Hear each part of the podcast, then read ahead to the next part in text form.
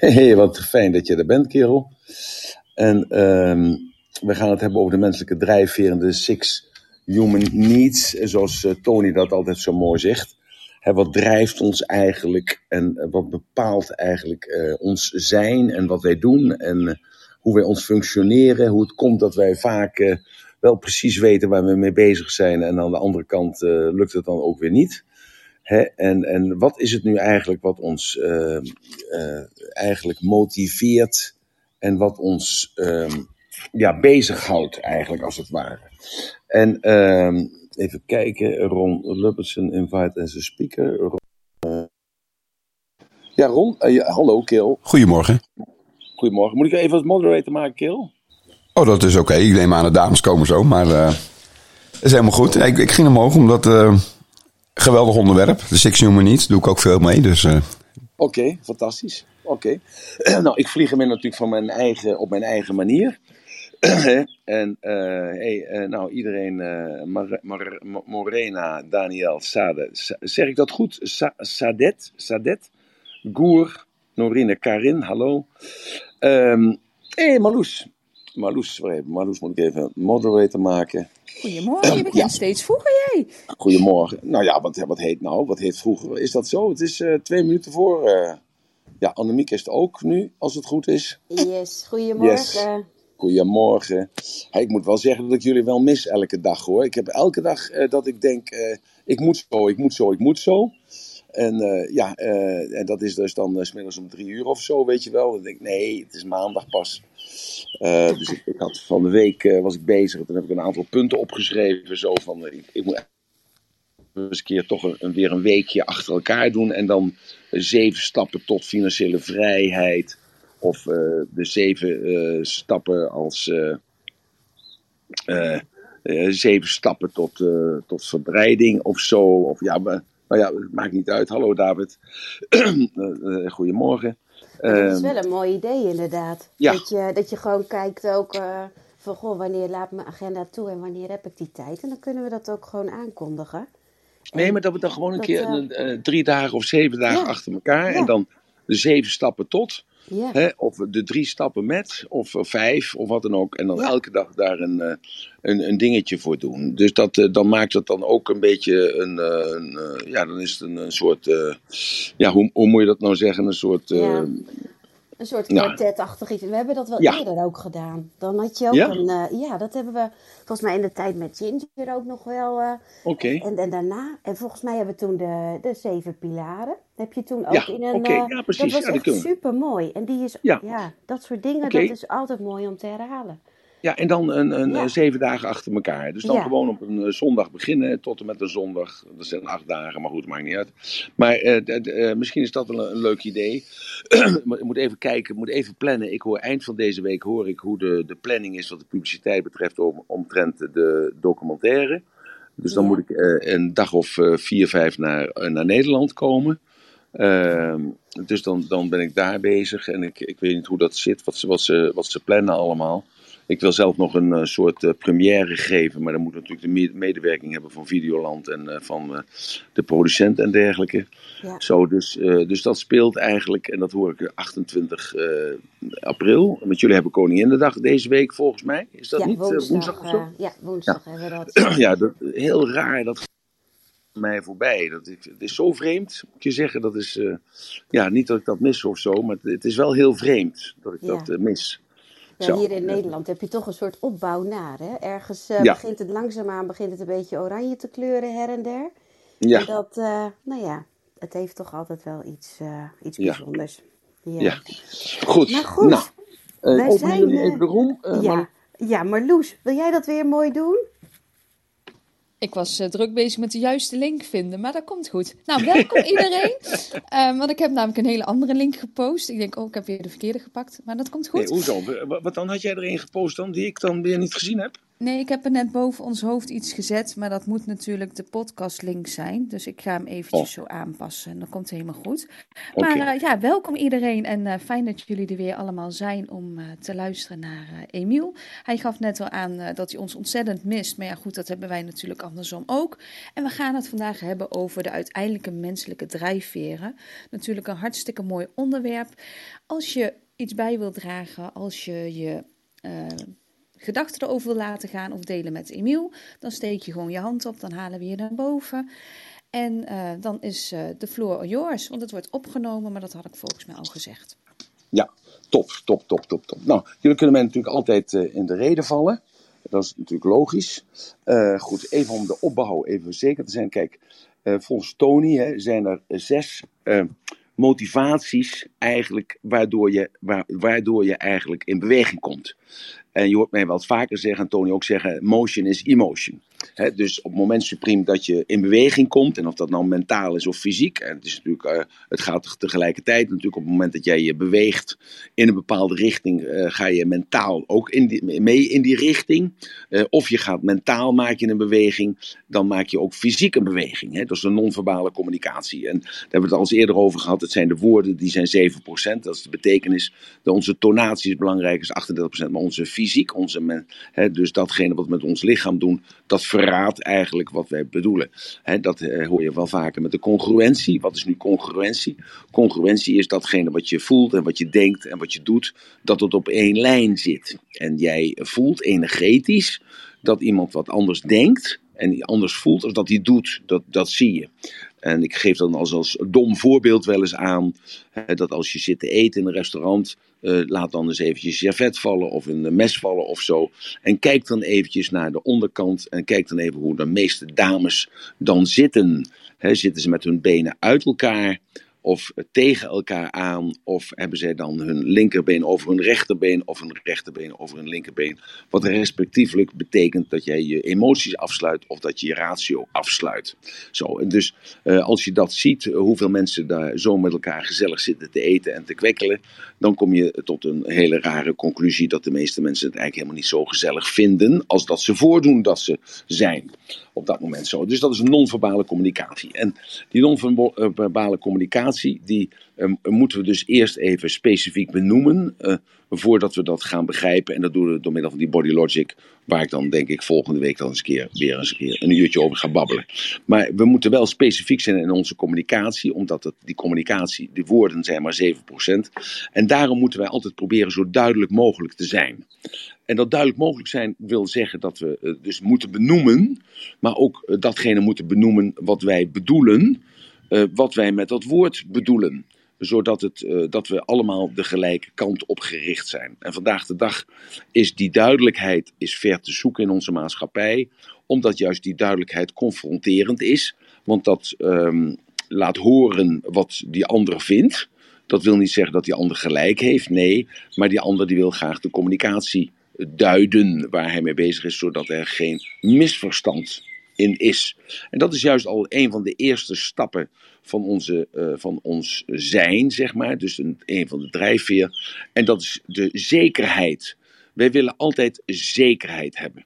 En welke zekerheid wordt dat dan mee bedoeld? Nou, de zekerheid die ik daarmee bedoel is dat je weet waar we het over hebben. En dat moet je dus zien in een bepaalde context. Hè, dus in een bepaald gedrag. En daarom is datgene wat wij willen. Wij willen allerlei zaken eh, om die te benoemen. En misschien dat je even een potlood en papier erbij pakt om dat op te schrijven. Want de specifieke doelstellingen die wij eh, allemaal nastreven, eh, die zijn onder te verdelen in, zeven, zeven verschillende stappen. Niet, niet in zeven verschillende stappen, maar in zeven verschillende zaken. En dat is de mentale processen. Dus dat is belangrijk, hè? een mentaal proces. Wat zijn de mentale processen? Wij willen allemaal onze mentale processen meesteren. Dat is dus eh, eh, hoe denken wij, eh, hoe is ons gevoel over iets.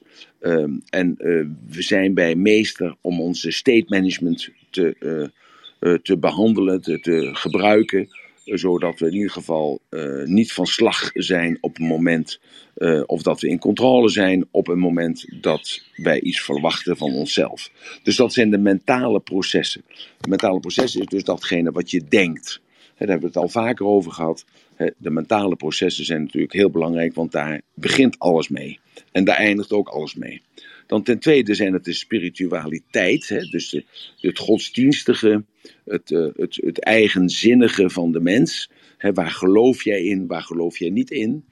Bestaat er iets als God? Bestaat er iets als schepping? Uh, bestaat er iets als uh, evolutie? Is het een combinatie van elkaar?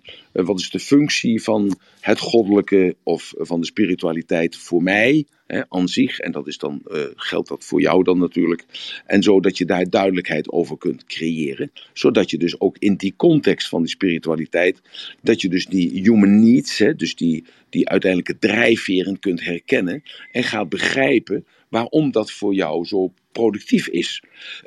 Want daar gaat het uiteindelijk om. Het gaat uiteindelijk daarom dat jij productief kunt zijn voor jezelf in die processen die daar gaandeweg bezig zijn en zich gaandeweg zich ontwikkelen.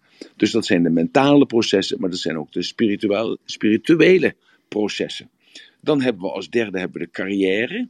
We hebben allemaal een loopbaan. We hebben allemaal een, een, een, een bepaald trappetje uh, die wij graag uh, willen uh, volmaken. En of dat nu altijd is willen blijven leren. Of dat we veel geld willen verdienen en meer dan vorig jaar. of dat we de baas willen spelen volgend jaar in plaats van dit jaar. We noemen dat een, een loopbaan. carrière, ladder als het ware zodat je bezig bent van oké, ik ben nu even vijf jaar huisvrouw en daarna ga ik weer voor de klas. Of uh, als ik kinderen gehad heb uh, en ik heb ze opgevoed, daarna ga ik weer terug naar datgene wat ik leuk vond. Of waar ik voor gestudeerd heb en of dat nu advocaat is. Of het is uh, bakkersknecht, dat maakt niet uit. Want iedereen doet dat in zijn of haar carrière zoals hij dat wil. Dan als vierde hebben we dan de relatie de relatie uh, niet alleen naar jezelf toe, hè, want wie ben ik, uh, wie ben jij, hè, maar ook de relatie naar uh, je organen toe. Hè, dus dat is belangrijk natuurlijk, want dat maakt jou zoals jij bent. Dus de gezondheid heeft ermee te maken.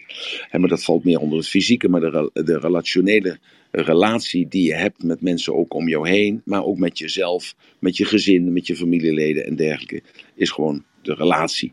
Dan hebben we onze financiën. He, onze, willen onze financiën willen we op een bepaalde manier op peil hebben of houden. We willen financieel onafhankelijk zijn, of we willen gewoon de rekening willen betalen, of we willen gewoon overleven.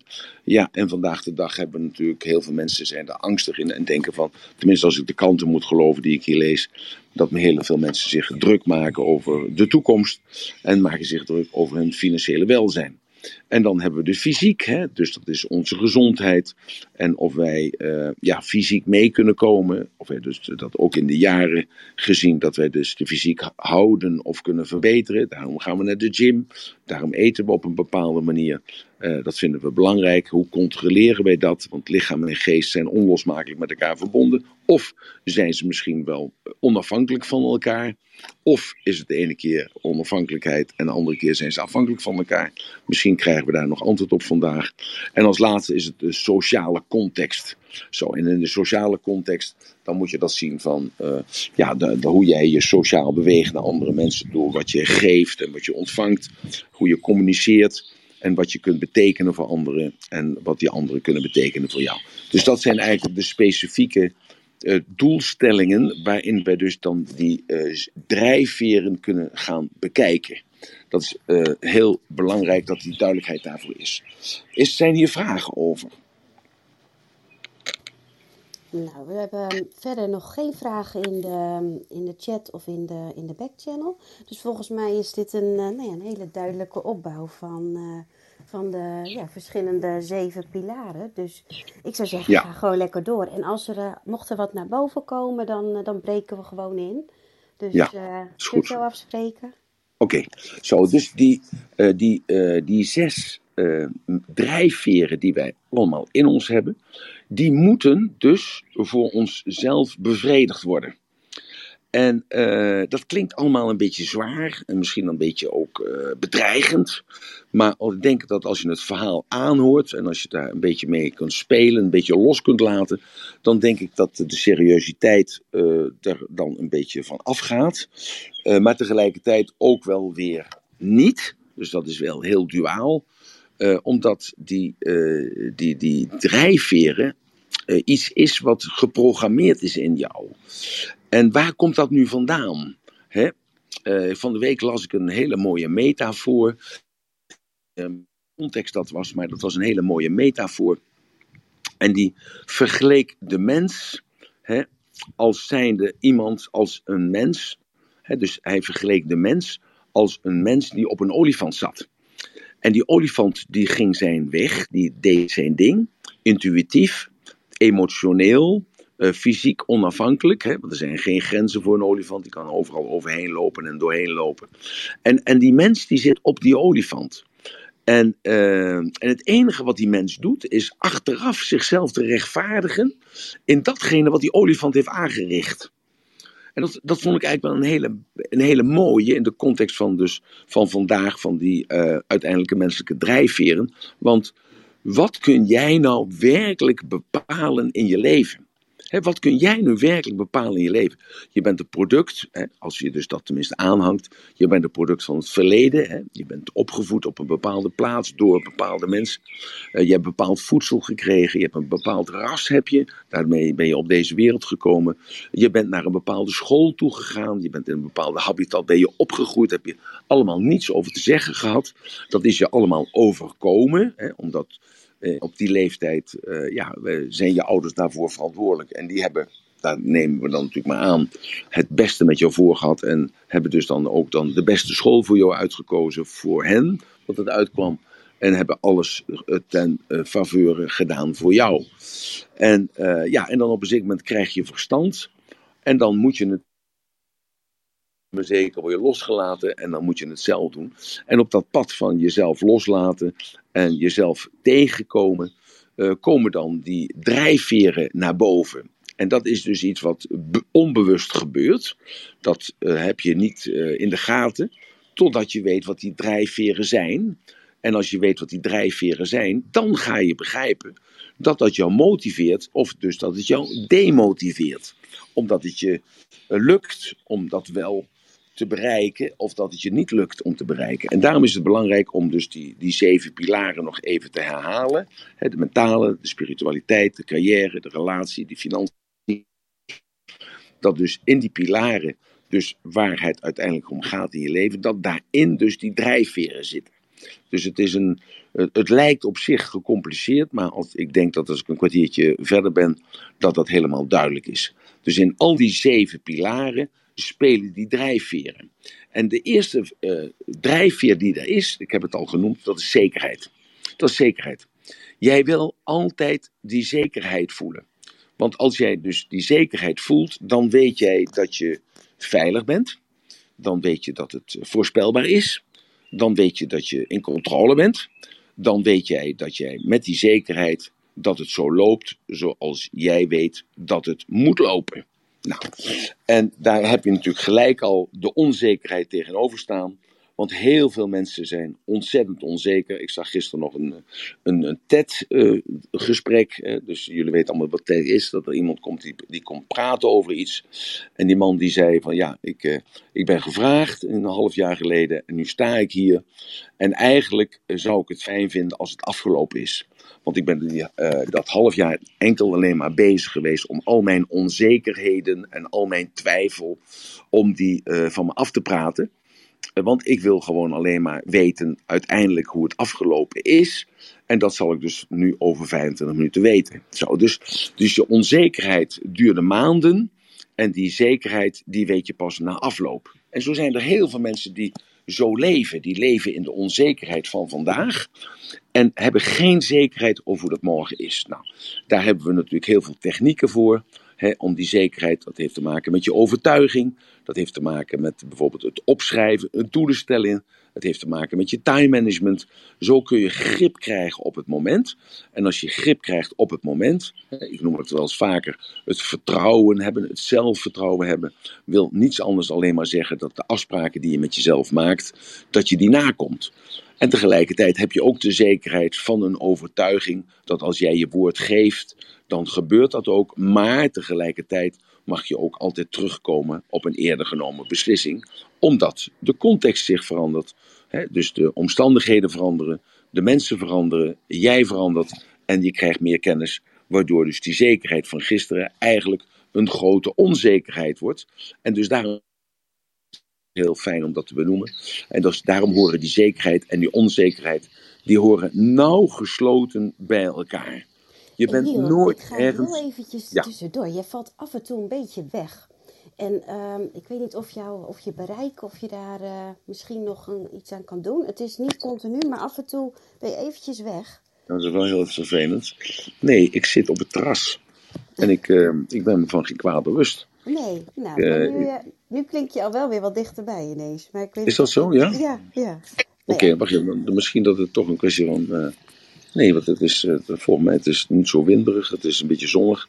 het is heel warm hier. Het is nu zomer. Het is, vandaag was het geloof ik iets van 43 graden.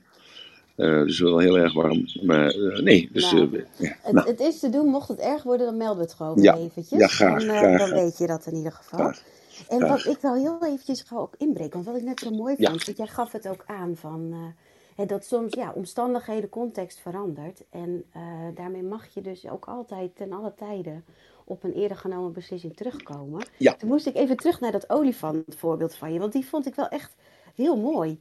Dat, eh, dat je, Ja. hoe je dat beschreef. En mag ik het dan zo stellen dat, stel jij zit op die olifant en, je, en, en in, de, in het kader van die context verandert, dat die, ja, dat je, dat die olifant die gaat ineens, eh, die komt in een andere situatie terecht. Jij zit daarop en jij Ja. mag in die nieuwe situatie, ja, of je kan je giga gaan focussen op die olifant op dat pad houden, of ja, eh, zijn er andere dingen waar je op mag letten en die olifant zijn ding laat doen en jij bij jezelf blijft van oké, hoe nu verder? Ja, Ja, die, die emotie is natuurlijk, hè, dat impulsieve, die emotie, het, het intuïtieve is natuurlijk zo sterk ontwikkeld in ons mensen, hè, dat we daar ook in geloven. En dat is dus als het ware die olifant. En dat wij daarna allemaal gewoon een meester zijn in het rechtvaardigen van het gedrag van die olifant. Ja, dat is natuurlijk ook evident. En, eh, ja, en, en dus daarin moet je dus nou ook die, eh, die menselijke drijfveer ook van zien. Van zekerheid en onzekerheid. Je weet nooit hoe het eindigt. Nee. Je weet nooit wat er gebeurt. En als je alleen al dat kunt geloven, hè, dus dat is dus die drijfveer eigenlijk, en tegelijkertijd is dat ook een overtuiging, ja, dan, dan is er ook niets aan de hand. nee. Want het, eh, ik had vanochtend nog een gesprek met iemand en die zei van ja, ik, het mooie aan jou, ik, ik vertelde eigenlijk eh, dat ik ben weer bezig met een nieuwe school voor Emiel. Het bevalt me eigenlijk niet zo op de school waar die mee zit. En ik vind de communicatie niet zo goed van deze mensen. En eh, toen, ja, ik heb natuurlijk uiteraard eerst bij mezelf eh, gedacht en gekeken. En toen vertelde ik mijn vriend vanochtend tijdens de koffie, eh, vertelde ik gewoon van ja, ik zeg, ik heb vroeger op school 12 gezeten. En toen moest ik in de derde klas moest ik verhuizen naar school 13 of naar school 15. En ik, en ik zei vol overtuiging tegen mijn vriend van ik weet zeker dat als ik op die school 12 had mogen blijven, dan weet ik zeker dat ik bij mevrouw en meneer Efteling, eh, dan weet ik zeker dat ik naar de HBS was gegaan. En ik weet zeker dat ik eh, dan had kunnen studeren aan de universiteit en dat ik eh, een hele goede advocaat was geworden. En toen zei hij van nou, maar je bent anders toch goed terechtgekomen. Ik zei nee, daar, daar hebben we het niet over. Ik zeg maar, ik, ik moet nu weer een beslissing nemen voor mijn zoon naar, naar een andere school. En ik moet daar elke keer aan terugdenken. Ik moet elke keer denken bij mezelf, ja, als mijn vader toen een andere beslissing had genomen, had niet geluisterd naar de burgemeester en had gezegd, "Maar luister, u kunt dat wel zeggen dat alle kinderen eh, die eh, tussen de singles wonen allemaal naar school 15 moeten, maar mijn zoon blijft toch op school, eh, school 12. Ja, dan was mijn leven toch heel anders verlopen. En, en dat bedoel ik er eigenlijk mee te zeggen, dat, dat jij, hè, dus ik dus in dit geval, heb daar niets aan kunnen doen. Mijn vader heeft dat gewoon gedaan. Hij heeft mij gewoon van de ene school naar de andere school gezet. Met vergaande consequenties. Want dat heeft mij wel ruwer gemaakt. En dat heeft me wel ongenuanceerder gemaakt. En dat heeft me wel directer gemaakt. En dat heeft me wel makkelijker gemaakt. En dat heeft me ook wel luier gemaakt. Allemaal uh, positieve en negatieve uh, betitelingen die ik mezelf nu even toedicht.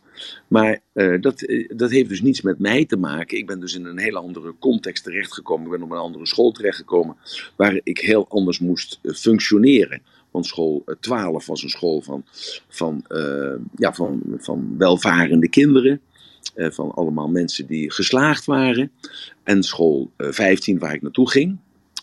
Dat was een school die, uh, ja, die werd door de achterstandsbewoners, zou je kunnen zeggen, door allerlei negatieve wijken, arme mensen, achterstandswijken werd die bezocht. En daar zat ik tussen, dus ik moest daar me anders weren als op de eerste school. Nou, dus, dus dan kan ik kiezen van waar, waar kijk ik nou naar? Kijk ik nou naar negatief of positief? Nee, ik kijk alleen nu even daarna, omdat ik nu een beslissing moet nemen voor mijn zoon.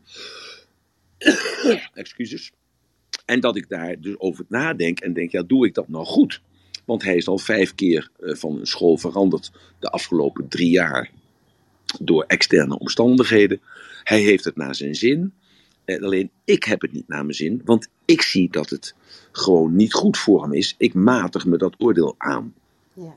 Dus, dus voor mij is dat een heel onzeker iets. Hè? Dus daarom vertel ik dit verhaal ook. Dus ik, ik, ik zit zo helemaal te, te dubben tussen de zekerheid en de onzekerheid. Welke zekerheid bied ik hem nu op deze internationale school? Uh, en welke onzekerheid uh, ja, krijgt hij op deze school? Zo direct als ik hem hier laat zitten.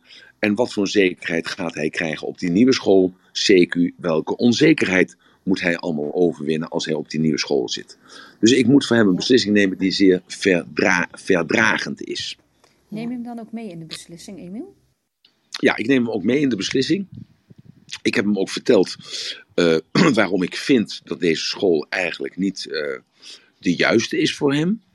Uh, we hebben ook samen, we hebben de school waar we nu naartoe, waar we hoogstwaarschijnlijk nu naartoe gaan, hebben we ook samen bezocht in november. En dat was toen dat we in december zouden gaan emigreren, begin januari. En dat deze school toen zei van ja, u kunt pas 17 mei 2022 op deze school komen. Toen zeg ik, ja, maar als we dan hier zijn, dan moet hij eerst vijf maanden bij mij thuis blijven. En dat lijkt mij niet zo verstandig. Ja, dat is nu helemaal de prijs. Uh, dat is een Thaise school die gericht is op de, ja, op de, op de Aziatische markt. Uh, de, daar vieren ze dus geen kerstfeest. En de zomer begint dus iets eerder bij hen dan bij ons. Dus daar is dus de, de zomervakantie is dus daar in uh, april, mei. Ap, ma, eind maart, uh, de maand ma, april en begin mei. En ja, de, dus het, het ligt een beetje anders dan de Europese school. Want de internationale school is gericht op de Amerikaanse en op de Europese markt. En daar hebben ze natuurlijk dan kerstvakantie en uh, de eindexamens vinden plaats in mei en juni. Waardoor je dus dan in september naar de universiteit kunt gaan. Zo, en dat is hier dus, uh, eindigt de school eindigt in mei. En je kunt pas in september naar de universiteit gaan. Want dan val je dus in het andere systeem. Zo, dus dat was een van de redenen om uh, te kiezen voor die internationale school. Ik wilde ook dat hij Chinees leerde en dat hij Thai leerde. En het blijkt dus nu dat hij uh, ja, een uur Thai in de week krijgt en een uur Chinees in de week krijgt omdat hij uh, zo laat op school is gekomen. Tenminste, hij is dus in de secondary gekomen. Dus dat is groep 9 eigenlijk als het ware. Dus uh, de eerste klas van de, van de middelbare school. dat noemen ze secondary, dus dat is groep 9. Um, en, en de kinderen hebben al vanaf groep 1 dus dat is al negen jaar of acht jaar hebben ze al Chinees en uh, Thais geleerd. En uh, die brug is een, uh, die stap is te groot. En daarom zeggen ze nou, dan hoeft hij daar ook geen examen in te doen. En hij hoeft dat ook niet te leren. En hij mag dan meedoen één uur in de week. Nou, dat is me te weinig, want ik wil gewoon dat hij vloeiend Thai spreekt. En ik wil gewoon dat hij vloeiend Chinees spreekt. En hij is er zelf nu ook wel van overtuigd dat het toch wel heel veel waarde toevoegt. Omdat we hier wonen, dat Thais wel belangrijk is. En hij is nu ook wel langzamerhand overtuigd van het feit dat zakelijk het Chinees eigenlijk ook wel, uh, uh, ja, wel heel belangrijk is in deze regio. Maar wij geloven ook dat China ook door deze crisis weer met Rusland en ook de economische crisis en ook de coronacrisis, denken wij dat China toch wel een, een grotere invloed gaat krijgen op het hele gebeuren in het Westen. Dat, maar dat bekijken we hier van deze kant uit. En als je hier naar de wereldkaart kijkt, dan zie je dus dat China het middelpunt is van de kaart. En je kijkt dus hier vandaan kijk je naar Nederland. En dat is heel raar, want als je in Nederland bent, is Nederland het middelpunt van de kaart. En kijk je vanuit Nederland kijk je naar China als zijnde dat het heel ver weg is. Dus dat is. Dus, maar hij is daar, nu langzamerhand ook wel van overtuigd. En dat is ook een van de redenen om te zeggen: van ja, nee, eh, papa, je hebt er wel gelijk in. Uh, dus ik uh, laat hem daar, dus Marloes, om even antwoord op jouw vraag te geven. Uh, Jazeker. Ik, ik, ik, ik meng hem daarin. Ik vraag ook, wat wil je worden? Nou goed, hij heeft dus natuurlijk de fase dat hij fotomodel wil worden. Hij wil filmacteur worden. Ik zie het hem zo doen. je ziet het hem zo doen. Ik wel, ja. Ja, ja, ja. ja. Ja. Nee, nou, uh, ja, hij is ook al een paar keer gevraagd hier in Thailand om mee te werken aan wat social media en om een foto te ma foto's te maken voor een, een product hier in Thailand. Um, ik heb dat uh, even afgehouden uh, in samenspraak met hem. Uh, ook ja, gezien de hele situatie, want ik wil niet hebben dat hij een bekende Thai wordt. Dat, dat, dat denk ik niet dat dat verstandig is op deze leeftijd, want daar moet je toch ook wel mee om leren gaan. En, zijn dus, tijd komt nog. En zijn tijd komt wel, dus dat, dat is waar. Hij ontwikkelt zich heel goed. en ik zeg ook elke keer tegen hem, ik zeg, je bent gewoon ontzettend slim. dat heb je gelukkig meegekregen. En dat moet je ontwikkelen. En je bent ook intelligent, dat heb je gelukkig van je moeder gekregen. En uh, dus dat zal je ook helpen. En je kent je manieren en je weet je te gedragen. Dus dat komt allemaal goed met jou. Alleen moet het wel natuurlijk uh, geladen worden met kennis. Uh, want ik vroeg van de week vroeg ik aan hem, we hadden het even over een aankoop van iets. 50% van 1.900.000. Hoeveel dat is. En daar kon hij niet zo 1, 2, 3 het antwoord op geven. Dat duurde heel erg lang voordat hij zei dat dat uh, 950.000 euro was. En ja, toen kregen we daar eigenlijk woorden over dat dat op zijn leeftijd, dat hij dat er gewoon uit moet, ja, moet uit moet vliegen. En dat hij daar niet over na hoeft te denken. Zo. Dus, Emiel, maar drijfveer 1 hebben we nu gehad, zekerheid en onzekerheid. Ja. Ik denk dat het verstandig is dat je even de overige drijfveren afgaat en daarna pas naar Annemarie gaat, want die is het podium opgekomen. Ja, dat vind ik een goed idee van jou. Ja, vind ik een heel goed idee. Dan gaan we ja. even door met drijfveer 2. Ja, drijfveer 4 is verscheidenheid. en de verscheidenheid is ook wel iets wat, uh, heel veel mensen ook weer wegdrukken, lijkt het wel. Want juist die verscheidenheid in uh, datgene wat je doet, hè, en, en, denk dan even terug aan die zeven pilaren, hè, dus mentale processen, denk dan uh, bijvoorbeeld dat je altijd hetzelfde moet denken. Hè, denk daar even over na. Hè, dat je altijd het, hetzelfde patroon hebt. Nou, dat, dat gebeurt al heel veel. Maar als je daar bewust van wordt, dan, dan wil je toch wel afwisseling hebben in je denk, in je denktranten. Nou, de spiritualiteit, nou, daar is dan ook verscheidenheid in. Als je kijkt naar de spiritualiteit van vroeger, was het religie. Er was geen spiritualiteit. Je geloofde, uh, ja, omdat dat hoorde. En wij zijn dus nu in deze, uh, ja, dit, dit moment gekomen dat we dus spiritualiteit kunnen ervaren. En dan in de spiritualiteit kun jij dus die verscheidenheid ontdekken. En als je dan uh, hoort en spreekt met mensen, hè, dan hoort het altijd, dan hoor je en dan zie je gewoon dat mensen altijd zeggen van ja, ik pak een beetje van uh, boeddhisme, ik pak een beetje van de islam, ik pak een beetje van het, uh, van het christendom, ik pak een beetje van de soefisme, ik pak een beetje ook nog een beetje van, uh, van orthodox Grieks of zo. En daar, daar maak ik zelf wat van. Dus met andere woorden, er is een verscheidenheid van aanpakken. En ja, als je dan kijkt naar je carrière, ja, ik weet niet wie van jullie begonnen is als onderwijzeres en geëindigd is als onderwijzeres, of als uh, verpleegster, of als uh, zakenman, of wat dan ook. Je hebt toch die verscheidenheid elke keer nodig gehad om jezelf weer te kunnen motiveren. Nou, datzelfde geldt in je carrière. Hè, er is, ik denk dat er niemand is die een carrière heeft uitgestippeld en dat dat ook precies zo gelopen is zodat jij gepland had. Met jaren en met salaris en met collega's. En zoals jij gedacht had dat het goed zou zijn. Juist die verscheidenheid erin heeft ervoor gezorgd dat je nu op die plek bent waar je nu bent. En dat dat voor jou niet het einde is, maar wel door die verscheidenheid zoveel ervaring hebt gekregen dat je je doelen daarmee aangepast hebt en dat het anders is geworden. Nou, met je relatie is dat hetzelfde.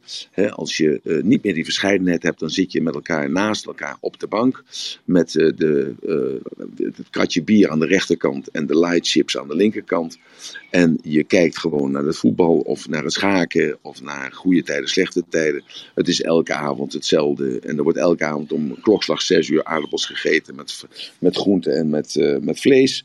En daar wordt geen, is geen afwisseling op. Of misschien is er één afwisseling op. En dat is op de vrijdag dat er vis gegeten wordt. Of in plaats van vis worden er dan kroketten gegeten. Nou, ik geef maar even aan dat ook in die relatie moet ook verscheidenheid zijn. Denk even aan je seksleven. Denk even aan de woorden die je met elkaar hebt. dat je juist daardoor weer die grote verscheidenheid die er is in jullie, zorgt ervoor dat jullie daarna weer uh, met elkaar kunnen, door één door, deur kunnen. En dat je dus realiseert hoe gelukkig je met hem of met haar bent. Zo, hetzelfde is met je uh, financiële wereld. He, je probeert die zekerheid te creëren. He, zo is dat nu vandaag de dag bijvoorbeeld met de hypotheken. Uh, je bent ontzettend blij dat je voor 20 jaar afgesloten hebt met uh, 1% of 1,5% of een half procent. dus dat geeft ontzettend veel zekerheid. En tegelijkertijd is daar ook dan weer die onzekerheid die dan weer opdoemt, als je nu de kabinetsplannen weer ziet, dat het huis in het vermogen gaat. En dat je dus daar straks vermogensbelasting op moet betalen. Waarop je nu gaat begrijpen waarom er altijd gehamerd wordt op annuïteiten. Want daardoor stijgt jouw vermogen zonder dat je dat in de gaten hebt. En is datgene wat jij hebt gezien als een soort pensioen. Daarom heb je die uh, hypotheek afgesloten voor 20 jaar of voor 30 jaar voor dat uh, half procent of anderhalf procent. En dat dat je nu wel zou kunnen gaan nekken op het moment dat je 65 bent. Dat je hem afgelost hebt door middel van die verplichte annuïteiten, omdat dat aftrekbaar zou zijn. En dat je dan, dat je dan belasting moet gaan betalen over je uh, AOW, CQ, over de waarde van je huis. Zo, dus uh, dat is die verscheidenheid die je dan ook in je geld en je financiële leven aan kunt brengen. Zo is het hetzelfde met het fysieke. dus ja, je kleed je elke keer anders. Uh, je hebt andere schoenen aan voor andere bepaalde gelegenheden.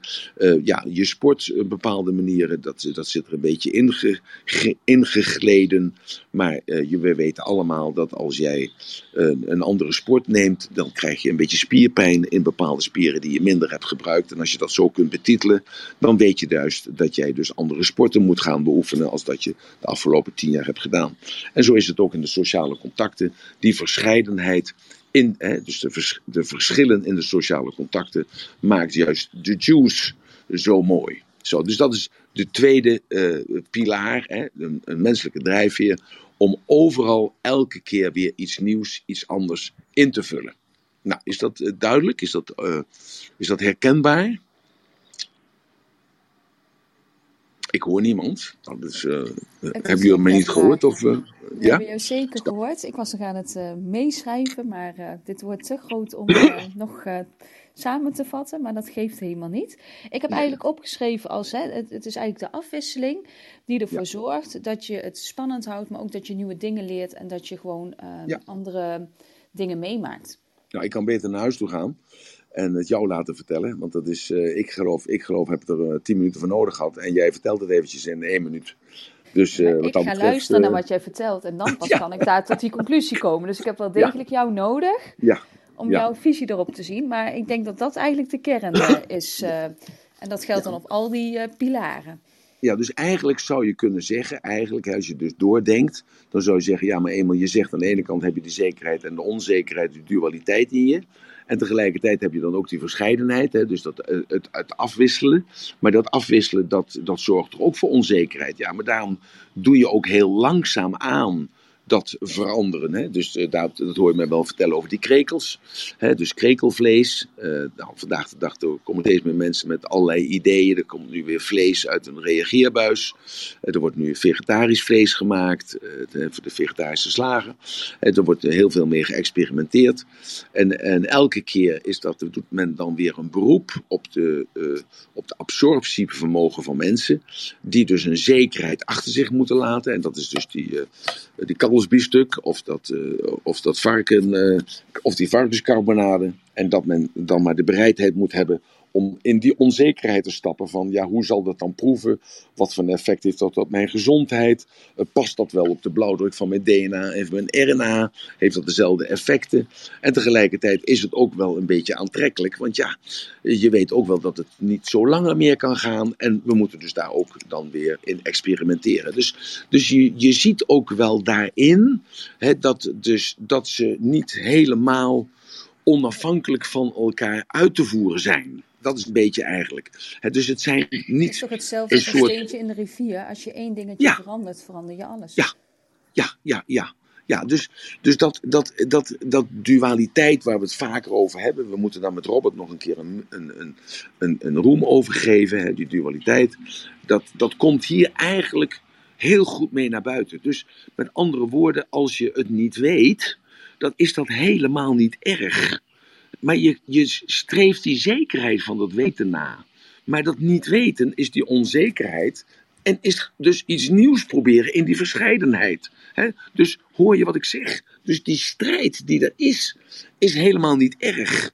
Als je er maar een betekenis aan kunt geven. En die betekenis is nummertje drie. Is de derde uh, drijfveer. De betekenis. Want als je de betekenis kunt geven van datgene wat jou overkomt, of datgene wat je voor jezelf hebt afgeroepen of creëert, dat als je daar een volwaardige betekenis aan kunt geven, dan, nu zie ik in één keer dat dat ja, poor connection op, uh, opdwaart. Hey, dat is raar. Terwijl ik stil zit. Ga maar door. Uh, valt mijn stem weg? Nee hoor, het was heel kort. Oké, okay. Goed. Zo, dus, dus die betekenis als derde drijfveer is heel belangrijk. En daarom hoor je mij vaker zeggen: je moet, uh, om verlicht te zijn, heb je abstractieniveau nodig. Je moet daar dus over na kunnen denken. Je moet er dus een betekenis van dit moment ergens aan kunnen geven. En als je de betekenis van die dualiteit kunt duiden. En je kunt die betekenis duiden van ja, het is, ik zoek wel die zekerheid, maar tegelijkertijd zit ik in die onzekerheid. Want ik moet ook die zekerheid loslaten om die verscheidenheid te kunnen proberen. Dan, dan, dan ben je al gerustgesteld en heb je weer die zekerheid over die betekenisfase.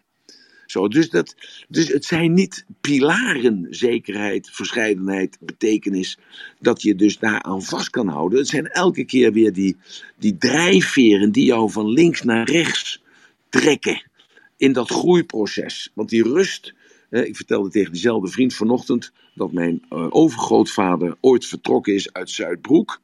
En hij vertelde mij ooit wel een keer, mijn opa zou nu langs, want een jaartje of 150, 165 zijn geworden. En hij vertelde mij ooit eens een keer dat zijn vader en moeder nooit, maar dan ook nooit uit Zuidbroek weg waren geweest. dus ze waren eh, geboren in Zuidbroek, ze waren getrouwd in Zuidbroek, de kinderen waren geboren in Zuidbroek. Ze hadden hun bedrijfje in Zuidbroek. En ze waren nooit buiten Zuidbroek geweest. Dus toen opa zei van ik ga met de trein naar Groningen. Wat inhield dat hij eerst moest lopen naar Veendam.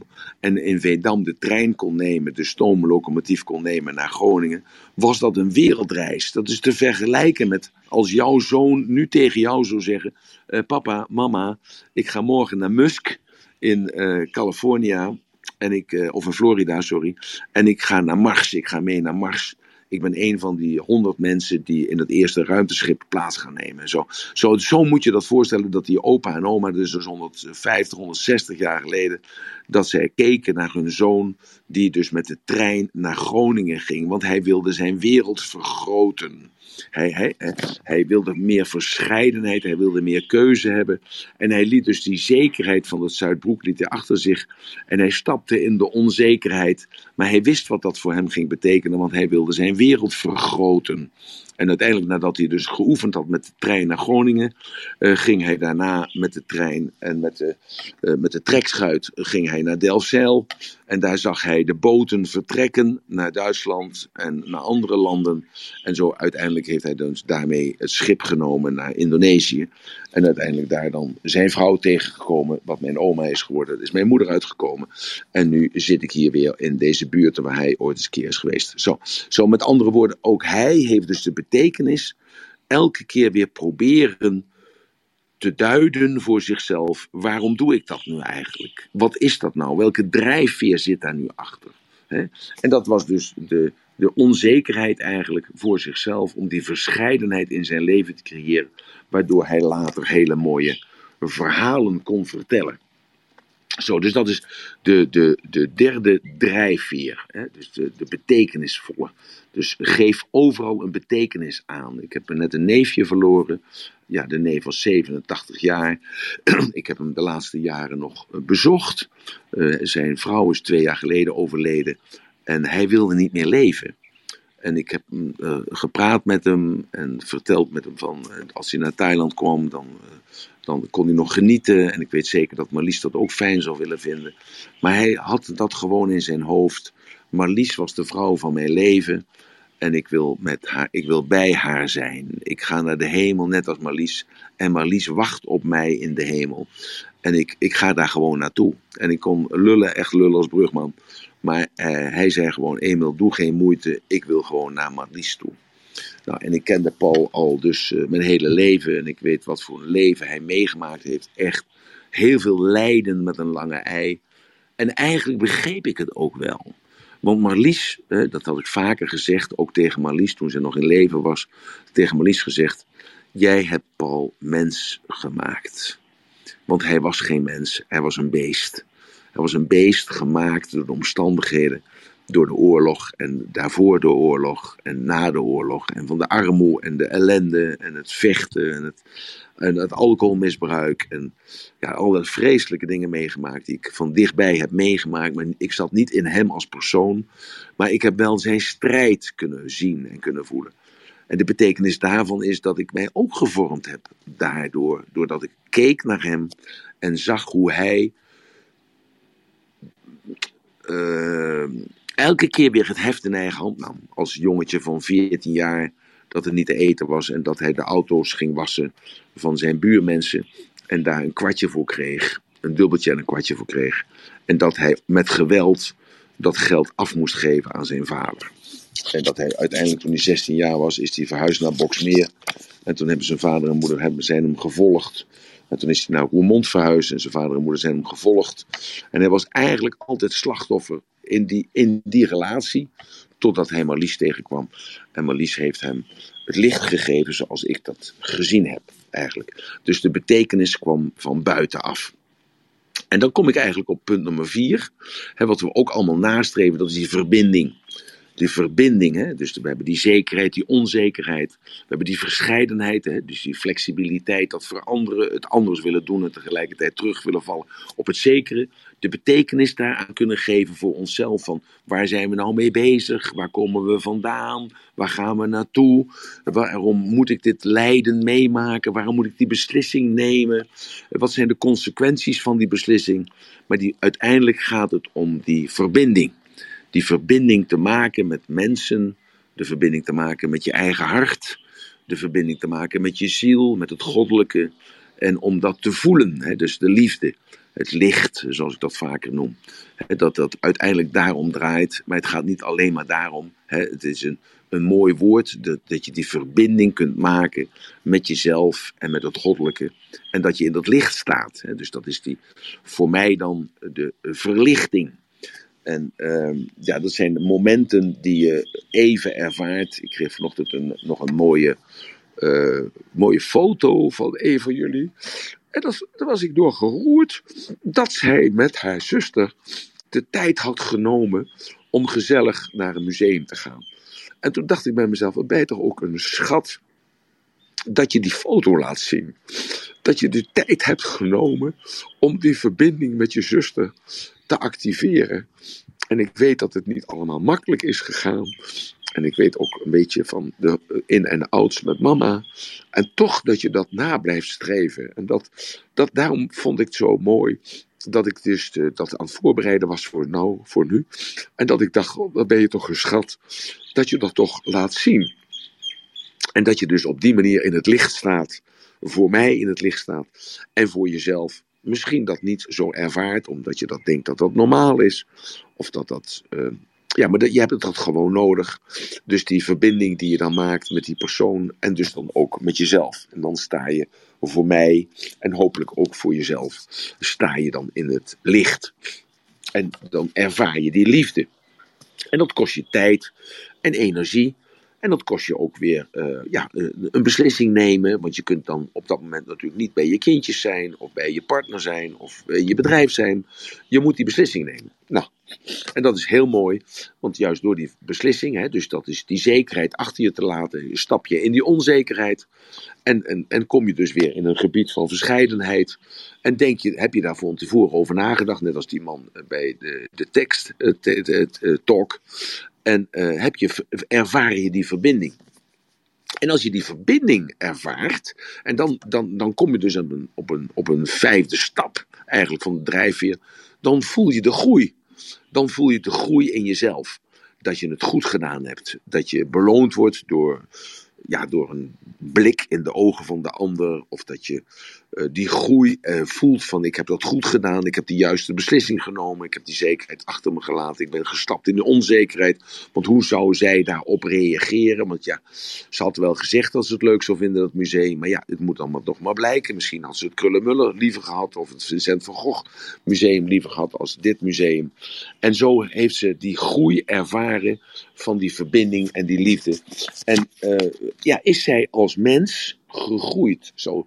Dus dat is eigenlijk ook weer de betekenis van het leven. Die verbinding maken, die liefde, dat licht. En dan kom je in die groei. En die groei die bepaal je natuurlijk zelf. Hè, want jij bepaalt zelf van, hé, hey, ik voel me daar ik voel me daar eigenlijk heel goed bij. En ik ben wijzer geworden. En als je s'avonds dan hè, dat eh, gebedje opzegt, wat heb ik vandaag geleerd? Ja, dan heb je vandaag geleerd om je tijd in te delen. Je hebt vandaag geleerd om een beslissing te nemen. Je hebt vandaag gekozen voor je zusje. En dan uh, besef je in één keer dat je zusje je heel veel heeft te vertellen over het verleden. En dat je je daar jezelf weer in herkende. En dat je dacht bij jezelf, ja, het is toch wel eventjes goed voor mij. En ik ben daarin gegroeid. Zo, dus groei is ook een drijfveer. Een drijfveer die ons allemaal, hè, net als een plant, een plant gaat altijd omhoog. Een plant gericht zich altijd tot de zon. En dat is met mensen is dat ook zo. Een mens wil altijd omhoog. Een mens wil niet kruipen, maar een mens wil zich uh, verticaal bewegen. Hij wil zich zo lang mogelijk maken. Nou, en dan, uh, dan komen we eigenlijk al bij de laatste. En dat is een bijdrage leveren zou een bijdrage leveren uh, aan andere mensen, ook aan jezelf. Hè. Niet vergeten jezelf, want het gaat uiteindelijk om jezelf. Ik merk hier in Thailand heel erg drang van mensen om mij uh, te bevragen over dat wat ik met jullie deel. Dat merk ik, dat ik ehm, daar wordt nu ook aan gewerkt om mij hier dan weer neer te zetten als een soort eh, public speaker of als een therapeut of als een, eh, als een communicator. Uh, en dat gaf mij weer het idee van dan kan ik beter vanaf vandaag in het Engels gaan praten, niet meer in het Nederlands gaan praten. Maar dat was een even een idee en dat, ik heb dat even achter me gelaten. Maar dus die bijdrage, dat je dus op een zeker moment iemand geworden bent met kennis, dat je dat mag delen dat is een bijdrage leveren aan anderen. Of dat je op een zeker moment uh, het, het, een bepaald product hebt ontwikkeld, waardoor je een bepaalde financiële vrijheid hebt uh, ontwikkeld, waardoor je een bijdrage financieel mag ontwikkelen. Uh, mag bijdragen aan andere mensen. Of dat je dat aan in de groei, hè, dus je, jezelf, jezelf hebt beleefd. Maar even jongens, ik moet eventjes een, een, een dingetje halen. Een, uh, ik zie dat mijn batterij bijna leeg is. Blijven jullie even hangen, niet weg. Ja. Even de batterij halen. Helemaal goed. Doe maar rustig. Nou, misschien geeft dat ook eventjes eh, even de tijd om, uh, nou, misschien even de boel op, uh, op een rijtje te brengen voor onszelf. Want ik weet niet hoe het met jullie zit, maar ik zit echt heerlijk te luisteren. Wat een mooie room op deze maandagochtend. En om over deze drijfveren te spreken en ja, ook de, de uitleg en de toelichting die Emiel hier bij, weer bij geeft. Ja, ik vind het op dit moment even echt een heerlijk feestje. Ik weet niet hoe het met jullie uh, op het podium voor de rest is. Marloes, Annemarie. Nou, het is zeker fijn om uh, na te luisteren. En het fijn ja. is ook dat hij zelf alweer uh, iedere keer de boel terugpakt. Dus hij heeft eigenlijk, is hij begonnen met de zeven um, eh, processen, hè, de zeven doelstellingen, de pilaren. Ja, En dat waren dan de mentale processen, de spiritualiteit, de carrière, relatie, financiën en de sociale context. En daarop heeft hij die eh, drijfveren weer geplakt. En Ja. de ene drijfveer heeft hij langs al die pilaren gelegd en de andere drijfveer juist niet, maar hij maakt het mooi rond. ja. Dus zeker een moeite waard om deze nog eens een keer goed op je gemak terug te luisteren. En Jessica die had een mooie opmerking. Ehm, die zei, eh, eigenlijk blijven eh, ook na je kinderleven de omstandigheden invloed hebben op het veranderen of eh, het, eh, de intenties van je drijfveren. Dus die blijven Ehm, veranderlijk. Ja, ja, ja juist. Is die zekerheid is er niet. En, en dat maakt het juist zo mooi. Dat als je dus dat begrijpt in de context van vandaag de dag. Dat morgen de Russen bij ons op de stoep zouden kunnen komen. Te staan. Of er valt een atoombom eh, ja, op Nederland omdat wij wapens hebben geleverd. Of op België of Frankrijk. Dat maakt allemaal niet uit. Hè, dan, die zekerheid heb je niet. Maar je hebt wel een zekerheid over jezelf. Dat je daar een betekenis aan gaat geven. En wij weten natuurlijk allemaal nu langzamerhand, allemaal hier in de, in de room, dat eh, wij kunnen altijd alles een betekenis geven die ons dient. Dus we kunnen ons een betekenis geven van, oh ja, die Russen komen, we krijgen niet met eten. En we kunnen ook een betekenis geven van, als die Russen komen, dan hebben we een keer een ander systeem. En dan kunnen we eens een keer met het andere eh, systeem kunnen we experimenteren. En we krijgen in ieder geval genoeg brood te eten, want dan gaan de grenzen met Oekraïne gaan weer open. Zeg, je kunt er net van maken wat je zelf wilt. Dus je kunt jezelf, eh, dat, is ook iets wat, wat heel veel mensen nog steeds niet begrijpen, eh, niet kunnen pakken. Dat je dus die betekenis van datgene wat je overkomt, kan negatief zijn, maar positief. En dat is een keuze die je zelf maakt. Zo, maar even nog naar die laatste, naar die bijdrage. Ik hoop dat de verbinding goed is. In ieder geval de batterij loopt wel. Dat, dat komt door mij hoor, want de batterij was vol. Maar als ik heel eh, emotioneel ben, dan trek ik een batterij leeg. En dan de jongens die eh, jullie die het meegemaakt hebben 2, o- eh, 2 april, hebben jullie misschien gezien dat ik in die 16 uur dat ik vier keer van batterij verwisseld ben. Dat ik maar vier uur doe met een batterij. Normaal staat daar een hele dag voor. Maar ik heb vier batterijen, vier keer vier batterijen versleten. Zo. Dus het, die bijdrage is eigenlijk eh, het belangrijkste.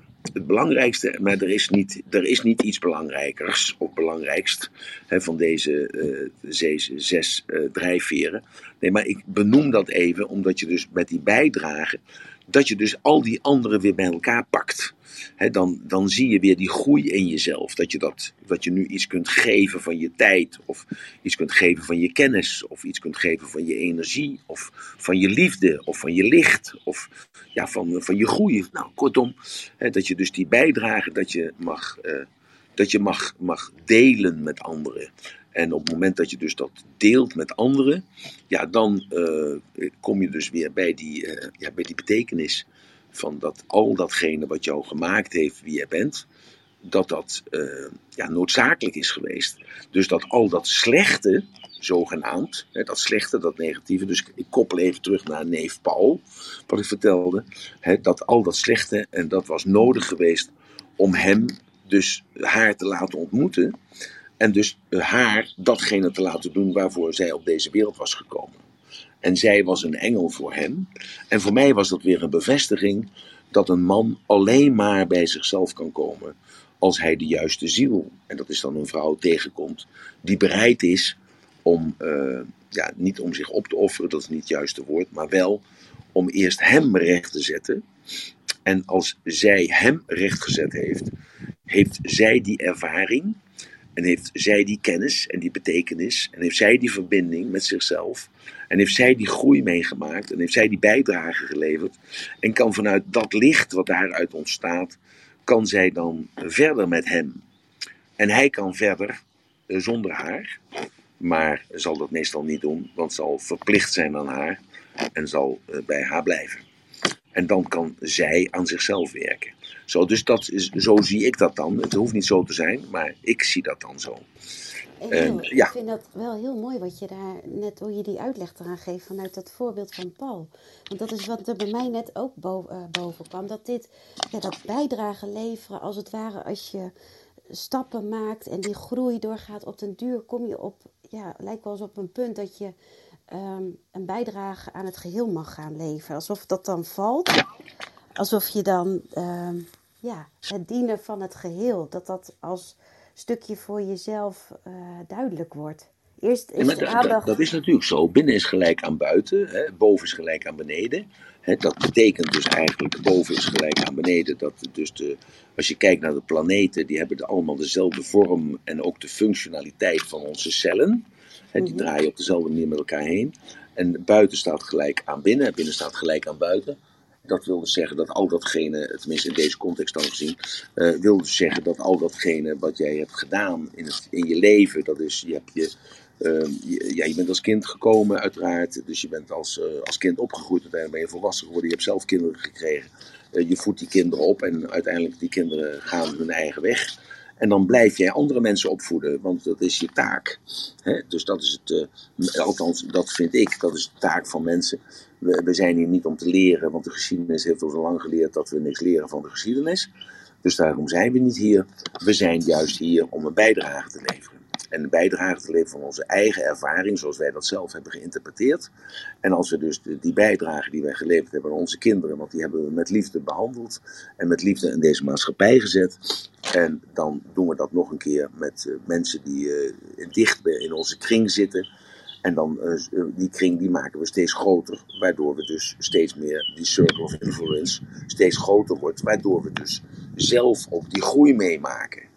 En zelf dus steeds dichter bij dat licht komen. Ja. Zeg ik dat juist op de juiste wijze? Dat iedereen dat begrijpt?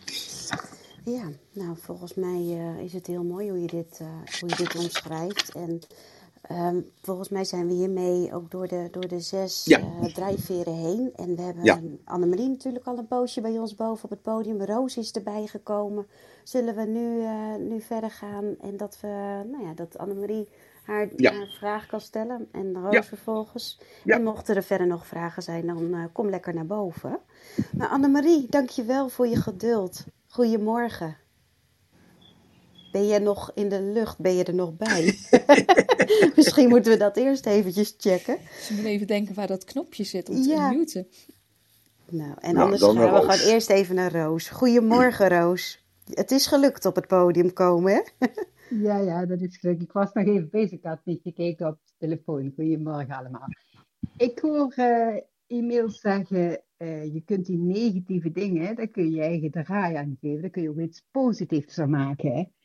En dan zit ik toch nog met die school van de zoon in mijn hoofd. En dan denk ik van, ja, misschien kun je dat ook omdraaien. Ik heb altijd zoiets van, ja, kinderen opvoeden is loslaten. Hier was het ook school, hè, zoveel kilometer verder had de naam goede, betere school dan hier waar ze uiteindelijk naartoe wilden. En ik heb altijd zoiets van, kinderen komen er toch wel, welke weg ze ook volgen. Maar ik heb zoiets zelf van, ja, probeer opvoeden is loslaten, proberen los te laten en ze gewoon laten gaan wat ze zelf willen. En zonder Ja, te bevelen. Dat is natuurlijk zo, maar er moet wel een guidance zijn. En het, eh, het is geen superioriteitsgevoel. Eh, alleen als je iets ouder wordt, Roos, en dat, nou ja, je hebt nog niet mijn leeftijd natuurlijk, hè. Maar, eh nou, Kleitskop natuurlijk, maar ehm, kijk, als je iets ouder wordt, dan heb je eh, iets meer ervaring. Daardoor misschien iets meer wijsheid, misschien iets wijsheid. Dus je hebt meer een scope, je kunt een- meer de consequenties van de daden kun je onderscheiden, denk ik. En op een zeker moment denk je van jezelf, ja, doe ik daar goed of niet goed aan? Je hoort verhalen, je ziet verhalen op die school. Dan denk je bij jezelf, ja, wil ik mijn kind zo op zien groeien? Nou, en, en dat is een, dat, dan neem ik die autoriteit of verantwoordelijkheid, of ja, hoe je het ook zeggen wilt. En dan eh, laat ik mijn blik eh, over hem schijnen en zeg, nou, hoe zie jij dat dan? Maar hij ziet dat, want hij zit daarin. En ik kijk er overheen en ik kijk er tegenaan. En dan zegt hij, ja, papa, misschien heb je wel een beetje gelijk, maar... Nou ja, en dan komt de waan van de dag erbij, waarom dit toch leuk is en gezellig is. En dan tegelijkertijd zeg ik, ja, maar wat, wat willen we nu met z'n allen? Hè? Wat wil jij nu? Ja, papa, ik wil eh, filmster worden, dus ik hoef eigenlijk helemaal niet naar school. Ik zeg, ja, maar ik heb je papa even net uitgelegd, je moet wel een rekening schrijven. Dus je moet wel weten of dat, eh, hoe groot die rekening is en eh, hoeveel procent belasting je moet betalen. Dus uiteindelijk wat je overhoudt in de zak. En je moet wel de consequenties zijn dat als je een klus doet in eh, New York, dat je dan eh, drie dagen onderweg bent met de vliegmachine. Dat moet je natuurlijk allemaal wel leren. Niet, ja, zegt die papa, maar dat hoeft om één keer te doen en dan weet ik dat toch. En dat, ik weet wel dat ik drie dagen onderweg ben als ik naar New York toe ga. Ik zeg, ja, maar goed, je moet een basis hebben. Kijk, papa loopt er elke dag tegenaan dat ik, papa heeft te weinig onderwijs genoten. Want als je onderwijs geniet, dan leer je een aantal zaken. En een van die belangrijkste zaken is, je leert iets op te zoeken op de juiste plek. En als je iets hebt opgezocht, dan leer je dat op te bergen op de juiste plek, zodat je dat weer terug kunt vinden. Dat leer je als je naar de universiteit gaat, of dat leer je als je uh, onderwijs hebt. En voor de rest is het, uh, ja, uh, zijn het allemaal zaken die jou vormen en die ook een soort vertrouwen geven dat als er over iets gesproken wordt, dat je daar ook over mee kan praten met verstand. Emiel. Sociale context ja, is belangrijk. Ik hoor uh, eigenlijk dat jij dat zegt van, hè, ik heb zelf dat onderwijs niet genoten zoals ja, nu kan. En dat zie ik vaak en hoor ik vaak bij ouders van, ik heb de kans niet gekregen, dus jij moet het doen. Zo van, nee, nee, nee, nee, neem je kansen. Neem je kansen. Nee, nee, nee, nee, want um, dat is niet zo. Kijk, ik geef hem de keus, maar wij nemen samen, en ik voor 60% en hij voor 40%, samen de beslissing. En ik probeer hem te overtuigen met mijn meer kennis of meer wijsheid of meer, ja, weet ik, overview of wat dan ook. ik, eh, ik matig mezelf wel aan dat ik uh, iets meer inzicht heb in de materie als dat hij heeft. Dat, dat is, dat, dat matig ik mij aan. Dat mag vandaag de dag mag dat niet meer gezegd worden, want het kind is gelijk aan de ouder. En dat verwerp ik ten zeerste. Mm. Ja. He, nee, maar ik de consequenties nog niet altijd overzien. Nee, dat niet. Maar ik bedoel, het gaat niet alleen om de kennis, maar het gaat ook hoe die zich voelt. Ik, nou, is er ook iemand die komt en die heeft problemen omdat ze iedere keer van school wisselde door het beroep van de vader. Altijd nieuwe school. Ja. Dan denk ik, ja, dat doet ook wat met kinderen, hè? Ja, nee, maar dat is ook zo. Kijk, hij is vijf keer van school veranderd. Door, dat heb ik wel vaker verteld, maar dat zijn moeder elke keer de school aanklaagde. Ondanks dat ze geen uh, gezag had, uh, luisterde de school toch daarna en zei van ja, wij, willen, wij zijn hier om les te geven en niet om te procederen, dus hij moet van school. Dat heeft hij meegekregen, uh, niet letterlijk meegekregen, maar hij heeft dat wel energetisch gevoeld natuurlijk. Um, dus daardoor heeft hij grote stappen genomen, waardoor hij ook kleine dingen heeft overgeslagen. Dus dat is zeer zeker, ben ik me daarvan bewust. Maar goed, ik hou hem natuurlijk heel goed in de gaten en ik, uh, ik begeleid hem daar ook in. Ehm, op mijn manier natuurlijk. Hè. Dus dat matig ik mezelf ook al aan dat mijn manier de mhm. juiste is. Dus allemaal aannames natuurlijk van mijn kant. Waar. Ik probeer dat te meten en te eiken. Ik toets dat ook bij hem. Op, van mijn kant allemaal. Ik heb meerdere keren heb ik hem een begeleider gegeven uh, uh, buiten mij om dus naast mij of buiten mij om. En elke keer kwam hij terug bij mij met het idee van, of met de gezegde van: Papa, ik heb liever dat jij het doet. Dat jij me helpt hiermee. Als dat een eh, vreemde dit doet, want ik voel me daar niet lekker bij. Nou, ook goed allemaal. En uh, ja, dus je als ouder zijnde gaat het om de intentie. Het gaat uiteindelijk om de intentie waarmee je dus iets doet. En als die intentie dus de positieve is, ja, dan, uh, dan, dan denk ik dat energetisch uh, op celniveau dat de juiste is. En dat is dan die epigenetica, waar we het ook nog eens een keer over zouden moeten hebben. Maar ik ben me daar ook eh, heel veel aan het verdiepen daarin. Hè, dat dat de, de, intentie waarmee je dus iets doet, is vele malen belangrijker als datgene wat je doet. En het abstractieniveau natuurlijk van de ander moet je natuurlijk niet onderschatten, maar ook niet overschatten. Mm. Ja. Dus, dus dan, ik en dan, snap dat jouw intentie goed is, ja. Maar onze drie kinderen hebben alle drie universiteit gehad. De een regelrecht en de andere met wat omwegen. Maar dan denk ik, ja, ik zeg altijd, laten we een eigen foto maken. Dat wordt sterk door. Ik zie dat hier op de basisschool, hè, ik gaf je les. En dan zie je kinderen die helemaal, die moeders daar bovenop zaten en met die vriendjes en dit en dat. En dan denk ik, ja, die anderen die losgelaten werden, die worden wel sterker om hun eigen weg te vinden in het leven. Dat is ook zo, maar kijk, ik heb de diploma's die ik heb, heb ik allemaal gekocht. Ja, want ik heb iemand anders heb ik dat gewoon uh, laten doen. Dus uh, ja, uh, slimmigheid of dommigheid, het is maar van welke kant je het bekijkt. Ehm, ik, ik heb tegen hem gezegd, als je deze school volgt, dan ga je naar de universiteit. Hij zegt naar de universiteit. Ik zeg ja, want nou, ik heb hem dat uitgelegd hoe dat werkt. En toen zegt hij, ja hoor, eh, kan ik naar de universiteit? Hij zei, ja, dat wil ik eigenlijk wel. Ik wil wel dokter anders of PhD of meester zijn, zegt hij. Ik zeg, nou, dat lijkt mij wel. Ik zeg, dat, eh, dat geeft wel een hele andere perceptie op jouw businesskaart. Als dat je zegt, mislukte poffertjesbakker. Ja, zegt hij, maar Emiel, jij bent er ook goed Emiel, in. ja, opmerken nee, nee, nee, nee, nee, nee, nee. Ehm, dus ehm, eh, dat maakt het makkelijker. Maar dat is één perceptie. En uiteindelijk, als hij, eh, als ik hem als kind meer keuze kan geven, door hem meer onderwijs te geven, want daar gaat het uiteindelijk om, dan, eh, ik- want ik zal nu even benoemen wat er in die klas gebeurt, waardoor ik eh, naar de onderwijzeres ben gegaan. En dat is namelijk, hij is 13 jaar. En bij hem in de klas zitten dus een aantal kinderen met z'n allen 14 bij elkaar. Dat één meisje laat zich vingeren en, en tongen waar andere kinderen bij zitten. Dat heeft een kopieergedrag naar anderen toe. Hij kwam daarmee thuis en hij zegt: Papa, wat moet ik daarmee? Want eh, de, andere, de jongen werd ook afgetrokken door dat meisje, ook in de klas waar iedereen bij zat. En toen heb ik mijn oren niet kunnen geloven dat mijn zoon dat tegen mij zei. Maar ik heb uiteindelijk, eh, heb ik dat een anderhalf maand geleden, ben ik naar de juffrouw toe gegaan. En ik heb gezegd: dat dat vindt er plaats. Toen zei ze: Ja, dat kan niet. Ik zei: Nee, dat kan zeer zeker niet. Ehm, maar het is toch echt gebeurd. Mijn zoon had daar foto's van gemaakt met zijn eh, foto, met zijn camera. Ik heb die foto's laten zien. Toen heeft die vrouw gezegd: Ik ga daar wat aan doen. Nou, er is niets aan gebeurd. Nou, Ja. eh, er is niets aan gebeurd. Dus die ouders zijn er niet op aangesproken. Ik heb die ouders ook niet gebeld. En want ik vind dat mijn taak niet om naar de ouders van dat meisje te gaan. Zeker naar de ouders van de jongen te gaan. Eh, maar dat gedrag wordt nu gekopieerd. En ik vind, maar ik ben, ik ben niet wijzer. Maar ik, eh, ik wil dit niet, laat ik het zo maar zeggen. Als die 15, 16 jaar is, is dat vroeg genoeg. En eh, ik heb een deurmate goede relatie met hem. Lijkt het wel dan toch dat hij dat tegen mij zegt. En zegt: Papa, dat is toch niet eh, juist.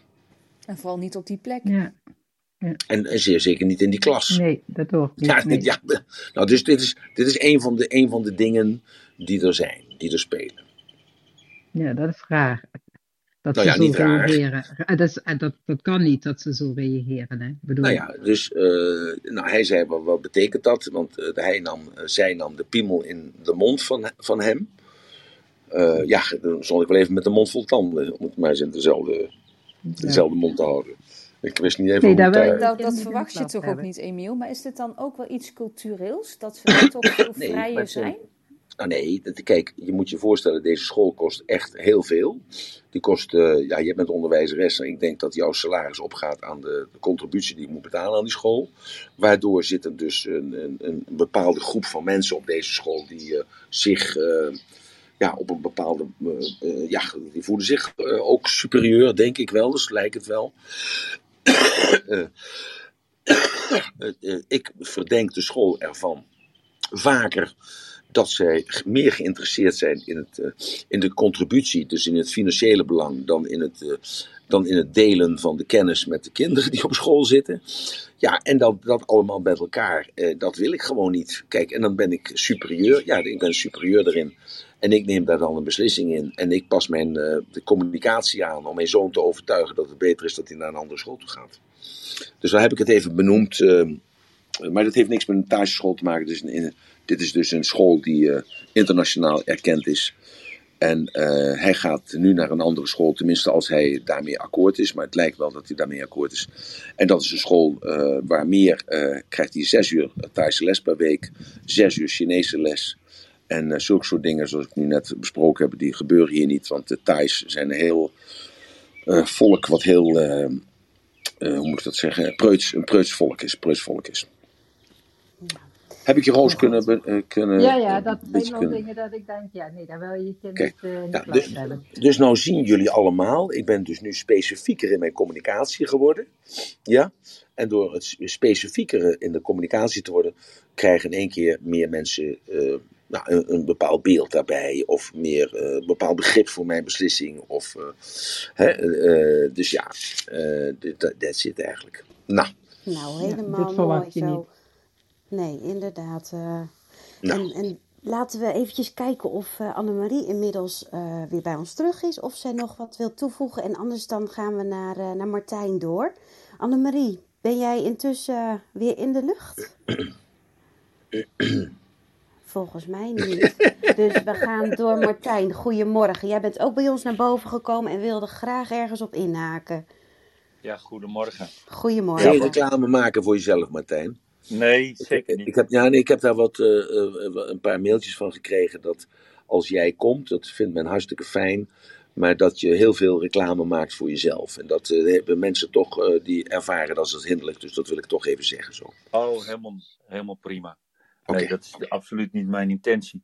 Nee, nee, nee, Wat? dat weet ik ook, maar dus eh, ik zeg het toch even. Wat ik, eh, wat ik in ieder geval hoor. ehm, ik heb natuurlijk altijd wel een bepaalde bril op, zoals je weet. Ja. Dat, ehm, eh, je hebt zelf ook met je vader meegemaakt. ehm, eh, dat je van school X naar school Y. Hè, op bepaalde manieren. Je noemde 12 en 15.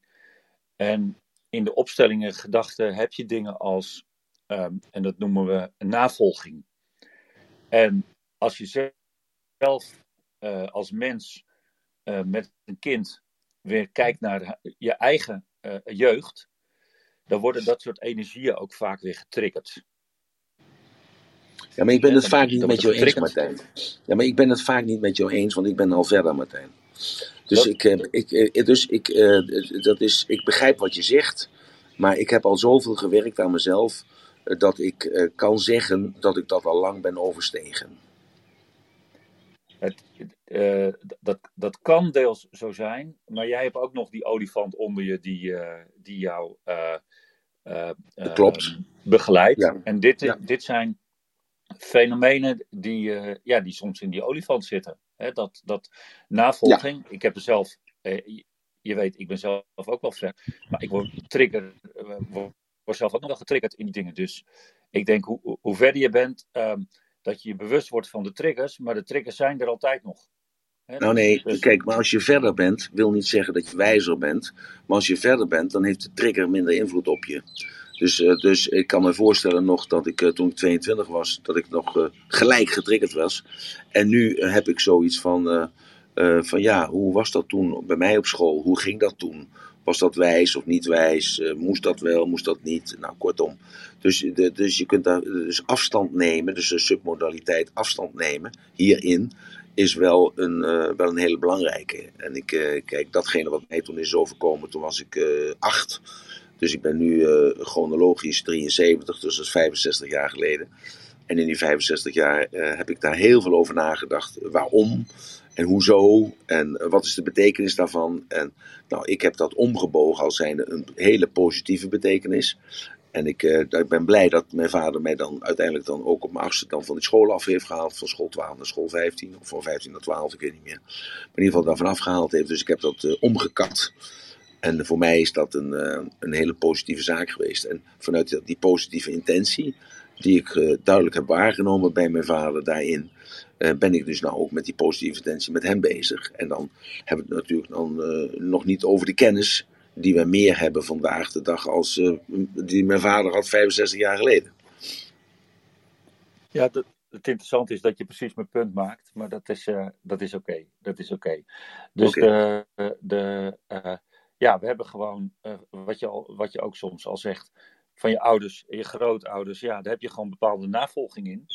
En, en jij hebt dat positief gekanteld en, en dat is helemaal prima. Maar ja, en eh, het, eh, de detail wat je net zei, ehm, eh, ja, dat is ook pittig om mee te maken op school, dat soort dingen. En, ehm, of als de school er niks aan doet. Dat, dat is Ik- gewoon concreet ook pittig.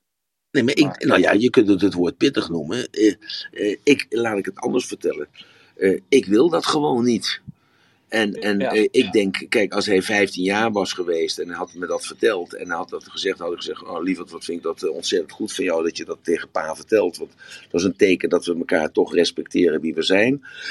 en dat je me daar ook in vertrouwen daarin neemt. Hè? Dan, eh, nou ja, en dan had ik hem dat uit kunnen leggen. En, maar ik, ik heb mij nou niet geroepen gevoeld om hem eh, uit te leggen wat, wat, waarom die, eh, die vrouw nou eh, zijn penis in de mond neemt. Ja, dus eh, ja, dat heeft dat, ook weer eh, met veiligheid te maken. Ja, het heeft met die eh, drijf, drijfveren en pilaren waar je het net juist over had, natuurlijk precies dit te maken weer. Ja, Ja, ja, ja. Maar dus, dus ehm, ja, de- de- dan op, daarom zeg ik ook, ik was een beetje verbijsterd toen ik dat verhaal hoorde. En zeer zeker toen hij later me die foto's eh, gaf. Hè, als bewijs dat het echt zo was. Want ik heb natuurlijk ook nog even getwijfeld. Ik heb die twijfel niet uitgesproken. Maar ik heb dat wel tegen de hoofd van de school gezegd. Die zei, ik ga daar gelijk wat aan doen. Maar ik heb heel voorzichtig gecheckt bij de ouders van zowel haar als hem. En ook bij, die tweede, bij dat tweede setje heb ik dat ook gecheckt. En die, uh, die wisten van niks. Uh, of ik heb het verkeerd gecommuniceerd, maar ik denk het niet. Ja. Emiel, heb jij nog uh, ruimte voor andere vragen? Voor mensen die nog op het ja. podium willen? Of wil je graag ja. afronden? Ja. Nee, ik heb nog wel ruimte. Het nou, is, mocht je dus uh, nog inhaken ja. op hetgeen waar we het over gehad hebben, steek er gerust je hand op. Hij is er vandaag. Dus uh, maak gebruik van je kans. Ik maak alvast even gebruik van het feit dat boven mijn hoofd, of onze hoofden moet ik zeggen, de link naar de podcast staan. Uh, die uh, daar allemaal staan. De rooms die we de afgelopen negen maanden opgenomen hebben. En er is ook de vraag, als je er één beluisterd hebt, of je er ook een review wil achterlaten. Zodat het nog meer helpend is om zichtbaar te worden. En dat het nog meer mensen kan bereiken. Nou, oké. Um ja, als er geen vragen zijn, dan zijn die dan niet. Ik uh, wil het toch nog een klein beetje herhalen, eigenlijk als het ware. De batterij die laat nu op, dus dat, uh, daar hoef ik me niet druk om te maken. Ik heb dus even uitgelegd die pilaren die er zijn. Dus uh, dat zijn delen van ons die gewoon belangrijk zijn. Er zullen het best nog wel meer zijn, maar je kunt ze dan ook toch wel rubriceren onder de mentale pilaar, de spiritualiteitspilaar, carrière, relatie en financiële pilaar de fysieke en de sociale pilaar. Dus als je kijkt, dat zijn deelgebieden waar je uh, aan werkt. Hè? Dus als je het uh, probleem hebt met je relatie, nou dan, is dat, dan ligt dat bij de relatie. En heb je problemen met uh, je gewicht bijvoorbeeld, dan ligt dat bij dat fysieke. maar dat kan ook bij je mentale zijn. Dus zoals laatst iemand tegen me zei: Ja, maar ik heb geen honger in mijn buik, ik heb honger in mijn hoofd. Nou, als je dat, als je dat al weet, dan weet je dus dat je gewoon moet werken aan de mentale processen die er zijn. Zo, dus dat is dan één, dus dat is die duidelijkheid die je mag creëren voor jezelf. En uh, ja, dat, dat, dat heb ik al eerder gezegd. Ik, ik zie dat in Nederland dat uh, die duidelijkheid uh, steeds minder ehm, de voorkeur heeft, omdat dat gevoelens triggert bij mensen die daar zich onheimisch bij voelen. waardoor er eigenlijk een soort cultuur ontstaat om niet meer duidelijk met elkaar te communiceren. Waardoor er nog veel meer mensen zijn die zich onheimisch voelen, omdat ze zich niet gewaardeerd voelen of juist zich beledigd voelen, doordat die ander zogenaamd geen respect voor hem of haar heeft. Ik hoop dat dit duidelijk is wat ik nu net vertel, met de juiste tonatie erbij. En uh, nou, dan kom je op die drijfveren. Dat is dus iets wat uh, onbewust in ons gebakken is. En daar ben ik het natuurlijk met Martijn wel over eens. Dat je heel veel meegekregen hebt vanuit het verleden. Alleen je moet het ook niet overschatten. En dat is eigenlijk. Uh, Martijn is nu weg, dat vind ik jammer. want je moet daar, dat ook niet aannemen als zijnde dat dat een zekerheid is. Want juist in die zekerheid zit hem dan ook de onzekerheid. Dat is een van die, uh, van die uh, ja, drijfveren in ons. Dus ook die ontzettende dualiteit. Dat er is niks zeker en er is ook niks onzeker. Het is alleen maar de verscheidenheid die er is in de keuzes. En hoe meer keuzes je hebt, hè, dat wil zeggen hoe meer betekenissen je kunt geven aan iets. Maar daar heb je abstractieniveau voor nodig. En dat abstractieniveau is dus gezond verstand, maar ook afstand kunnen nemen van uh, het verleden, omdat juist uh, die zekerheden en onzekerheden uh, zijn dus basisemoties. En dat hebben we 2 april hebben we het daar uitvoerig over gehad. En dan, dan zie je ook, en dat, de mensen die 2 april aanwezig zijn geweest, hebben dat ook ervaren, dat heel veel mensen, nou heel veel, enkele toch wel, hadden heel veel moeite om die bepaalde gevoelens van die waarden, om die op te roepen. Terwijl, dat juist, uh, terwijl ik juist altijd in de mening veronderstel dat het uh, heel makkelijk moet zijn, bleek het voor heel veel mensen heel moeilijk te zijn om die uh, emotie of dat gevoel, hè, wat een gevoel is niets anders dan een etiket op een lichamelijke sensatie, om die terug te halen. Zo, dus die zekerheid, onzekerheid, verscheidenheid en betekenis is eigenlijk als het ware, het, het, het zijn wel drie verschillende, maar het is eigenlijk, het, als je ze bij elkaar plakt, dan krijgt het de betekenis en de betekenis die jij eraan wilt geven. En dat is de, die vrije keus, waardoor je die verbinding en die liefde en dat licht kunt ervaren, wat, wat in jou is. Hè? Want dat moeten we natuurlijk niet vergeten. We zijn sociale dieren. En we hebben de ander nodig. Zoals ik dat dan even aanreik met de, de, de mannelijke en de vrouwelijke parten, delen die in ons zitten. En dat we dus die mannelijke en die vrouwelijke delen hebben we nodig om uh, die volgende stap te kunnen maken. En uh, dan is dat dan uh, wel in de vorm van een kindje, eigenlijk als het ware. Dat is het, dat het ultieme, ultieme licht, wat je dan op dat moment weer in de duisternis laat schijnen. Maar het is niets anders dan een metafoor voor de verbinding die jij voelt, de ultieme verbinding die jij voelt met je partner. Of met jouw, ja, je deelgenoot of die dezelfde wens heeft. Daardoor kom je dus bij die groei. Hè, dat is alleen door de betekenis, door het besef uh, kom jij bij die groei in jezelf. Ik gaf dat voorbeeld net van de vrouw die met haar vriendin of met haar zusje in een museum ging van, gisteren. En dat liet zien aan mij vandaag door middel van een foto. En kom je in die groei bij jezelf. En kom je dus als je in die groei zit, dan heb je de behoefte als het ware. Dat was eigenlijk, Annemiek uh, ging eigenlijk op, als antwoord op jou. krijg je dus de, de behoefte om bijdrage te leveren aan de ander. En dat is dus dan, wat heb ik vandaag gegeven aan de ander van mijn liefde? Wat heb ik de ander gegeven van mijn kennis? Wat heb ik de ander gegeven van mijn aandacht? Wat heb ik de ander gegeven van mijn financiële rijkdom? En wat heb ik de ander gegeven van het goddelijke in mij? Zo, en dat is de bijdrage die je levert aan de ander. Want uh, dan wil ik nog één keer herhalen: de geschiedenis heeft ons één ding geleerd. En dat is dat we niets geleerd hebben van de geschiedenis. Kijk naar de Oekraïne, kijk naar de. Uh, reactie vanuit Amerika en de EU over datgene wat er gebeurt vandaag de dag. dat is echt spelen met vuur. Ik hoop dat jullie dat allemaal beseffen. Maar ook dat is de betekenis die ik eraan geef. Want je kunt het ook zien als een soort vrijheidsideaal. En onze vrijheid van denken en doen en laten wordt daarmee veiliggesteld. Nou, we gaan het zien. Maar dat is de andere betekenis die je over hetzelfde kunt geven. En zo kom je dus aan de bijdrage die je mag leveren eh, aan de maatschappij en aan de ander. Nou, ik denk dat het een hele mooie roem is geweest. Het heeft iets langer geduurd als 60 minuten. Dank jullie wel voor allemaal voor jullie tijd en jullie energie en voor jullie aandacht. En nogmaals Marloes en Annemarie en Ron en Roos, dank jullie wel. En Annemarie uh, was er natuurlijk, die is weg. En Martijn is ook weg. Dank jullie wel dat we met z'n allen deze hele mooie roem hebben mogen maken. Zijn er nog uh, vragen specifiek vanuit de, de backchannel gekomen, Marloes of Annemiek? Nee, op dit moment niet. We hebben verder geen vragen meer doorgekregen. En uh, even kijken.